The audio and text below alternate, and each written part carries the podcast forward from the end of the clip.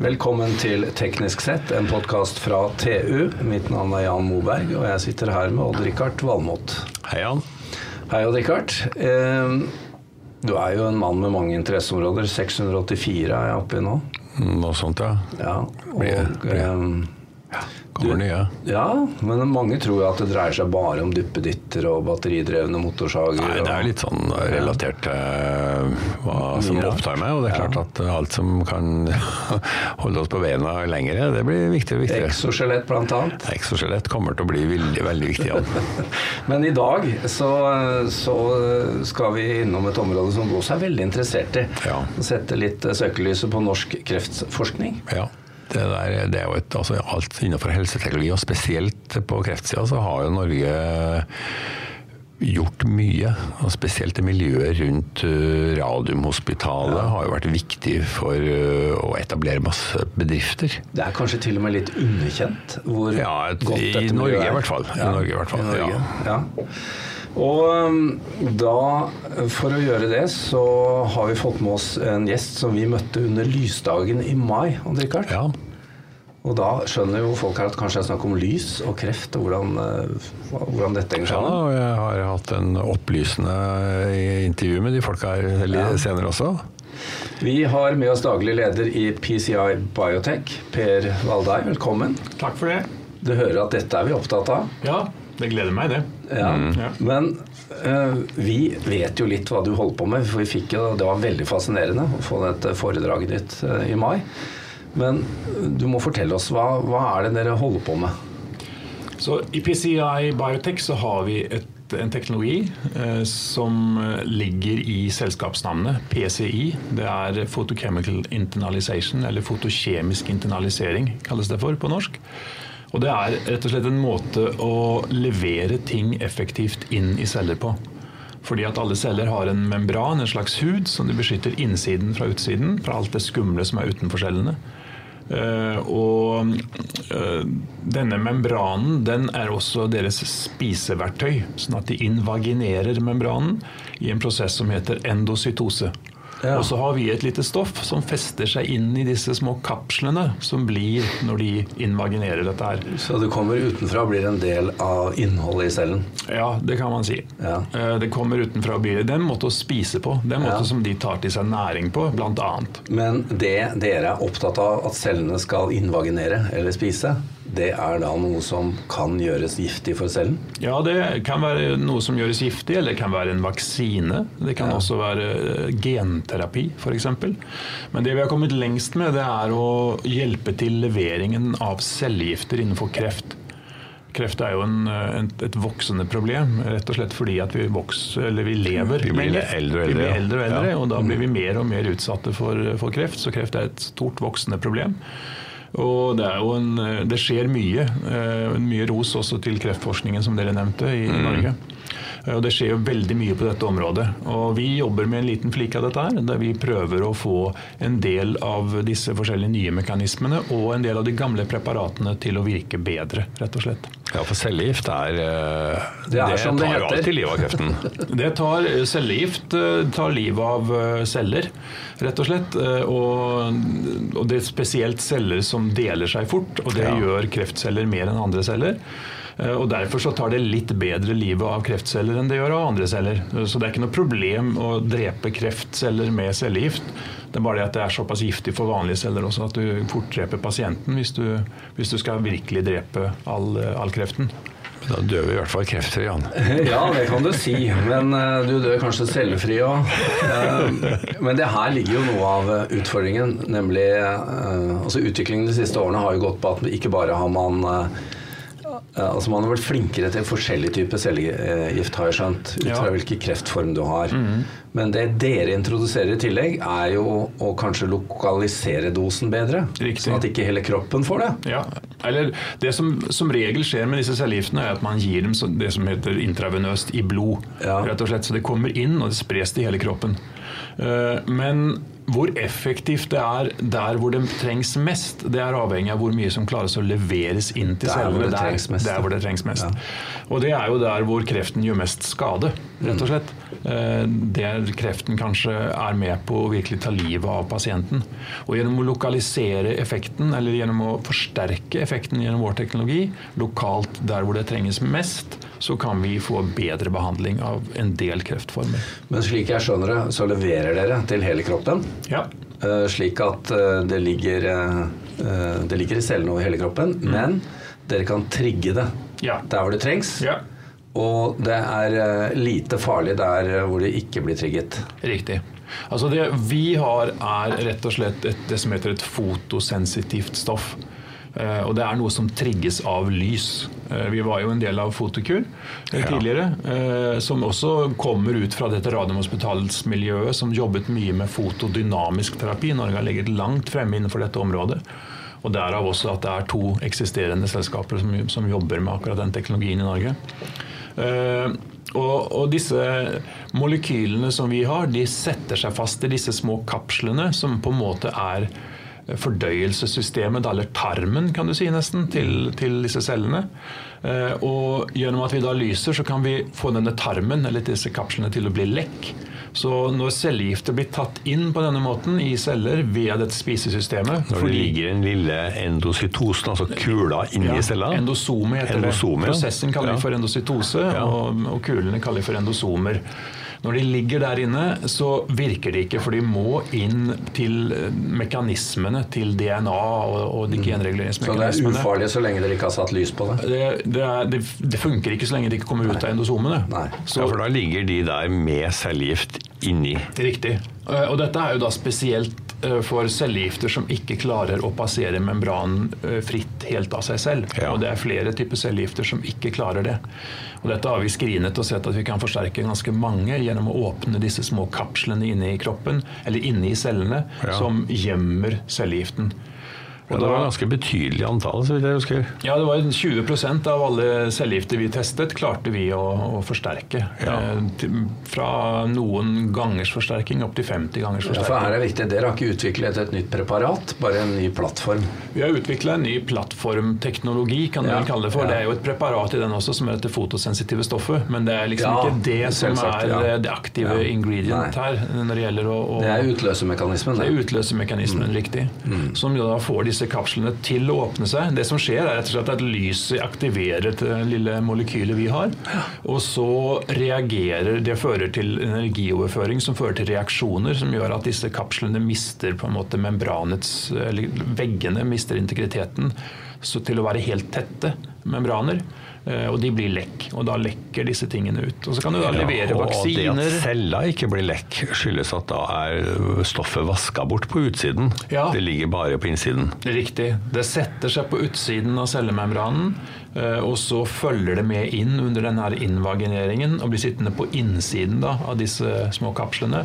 Og over tid så vil det da bli vasket vekk fra cellemembranen, for der er det jo en kontinuerlig strøm av, av Ja. væske som, som farer forbi. det betyr forbi. at det tar litt tid da, fra dere gir det her stoffet til dere begynner med lys. Riktig. Så det må vi styre, sånn at vi ikke åpner opp cellemembranen, men at Ja. vi åpner opp disse kapslene. Ja. Ja, riktig. Og det vil være litt avhengig av hvordan du administrerer produktet, altså hvordan du gir det. Om du gir det lokalt, eller om du gir det i blod, hvor lenge du må vente, og hva det er du skal levere for noe.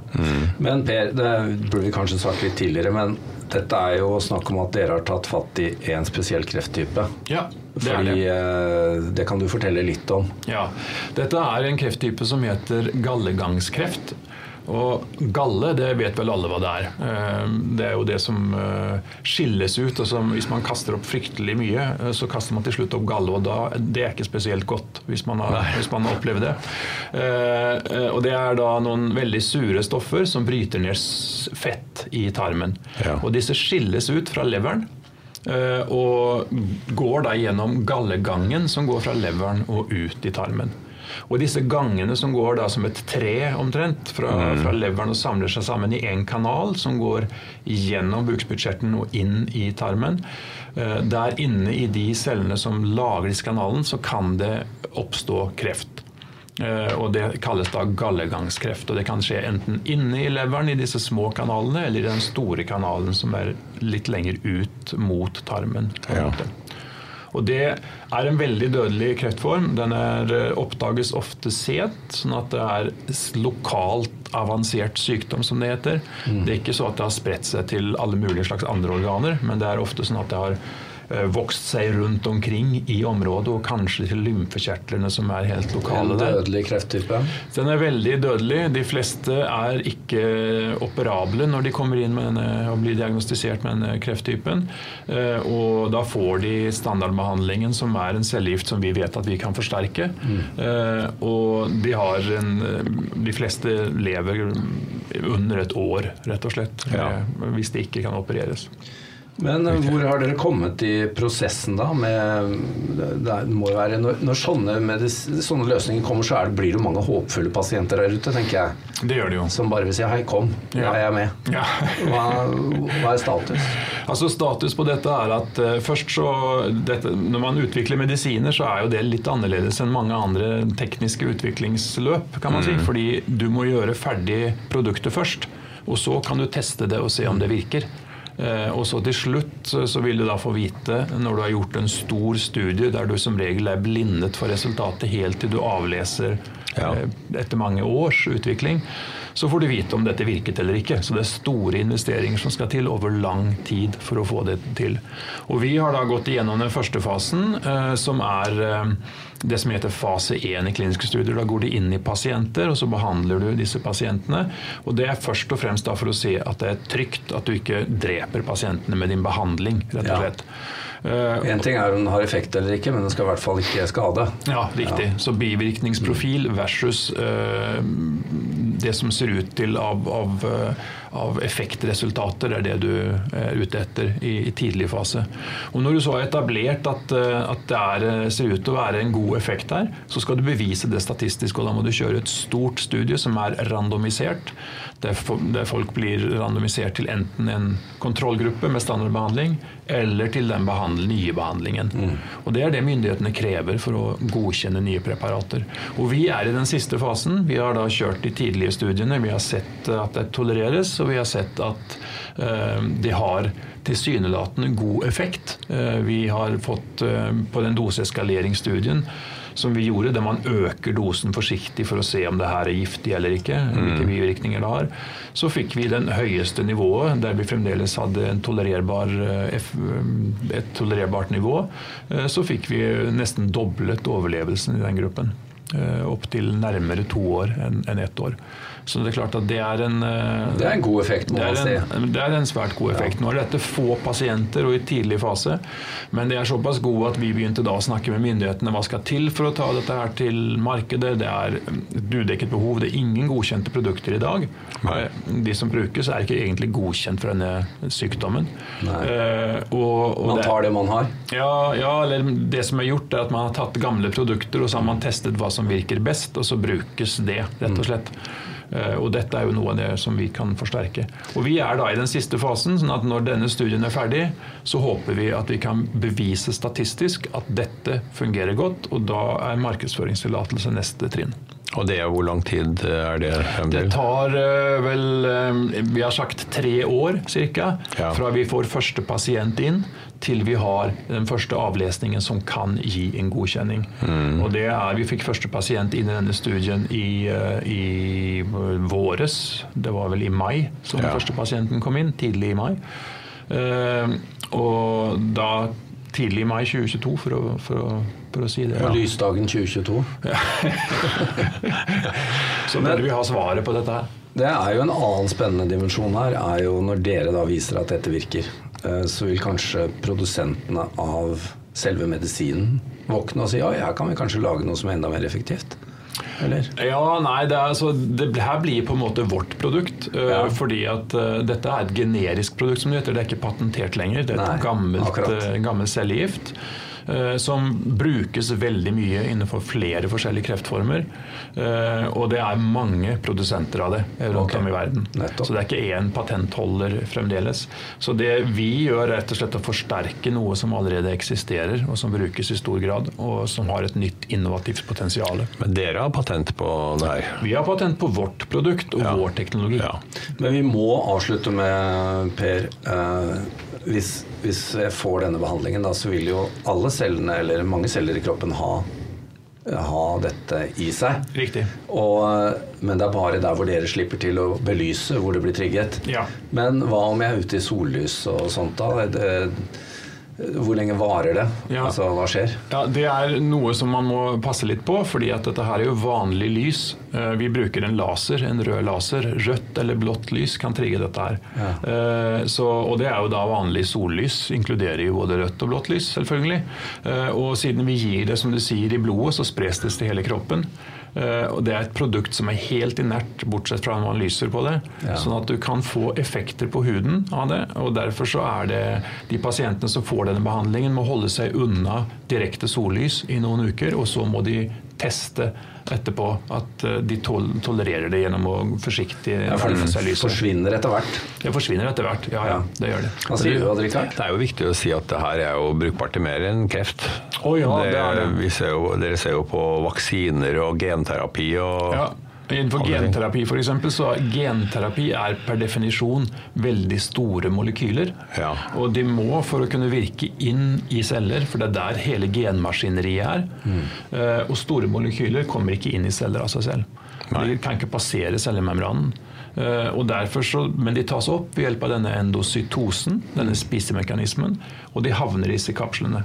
Og det vi da kan gjøre, er å kombinere det med vår teknologi, og så kan vi lyse, og så kan vi få levert ganske effektivt sånn genterapi inn til forskjellige typer sykdomsområder. Og det kan jo bli veldig stort i åra Det kan eh, absolutt bli det er et område der det satses helt enormt mm. for tiden. Det er mange store selskaper som satser mye, og vi har samarbeidsavtaler pågående med forskning med flere av de nøkkelspillerne innenfor dette området. For her er det kanskje den største hindringen til å få dette til å lykkes, er å få det levert inn i celler. Det er utrolig spennende, Richard. Det er, Dette er nesten enda mer spennende enn øh, kreftdelen, syns jeg. Ja. Men det er klart, det, man bruker ofte eksempler på det man leverer først. Ja da. Per Valdei, du får ha, dere får lykke til videre. Vi håper det, det. blir en suksessrik eh, neste treårsperiode. To og et halvt i hvert fall. Ja, absolutt. Så hører vi fra deg igjen. Det skal dere. Så kommer vi til å overleve igjen, og så får vi nye gener i neste omgang. Og så Med 100 år til. denne plattformen Exoskjelett og litt sånt annet, så går dette bra, vet du, Odd Rikard. Takk til Odd Rikard, og takk til vår produsent Eivind Limstrand.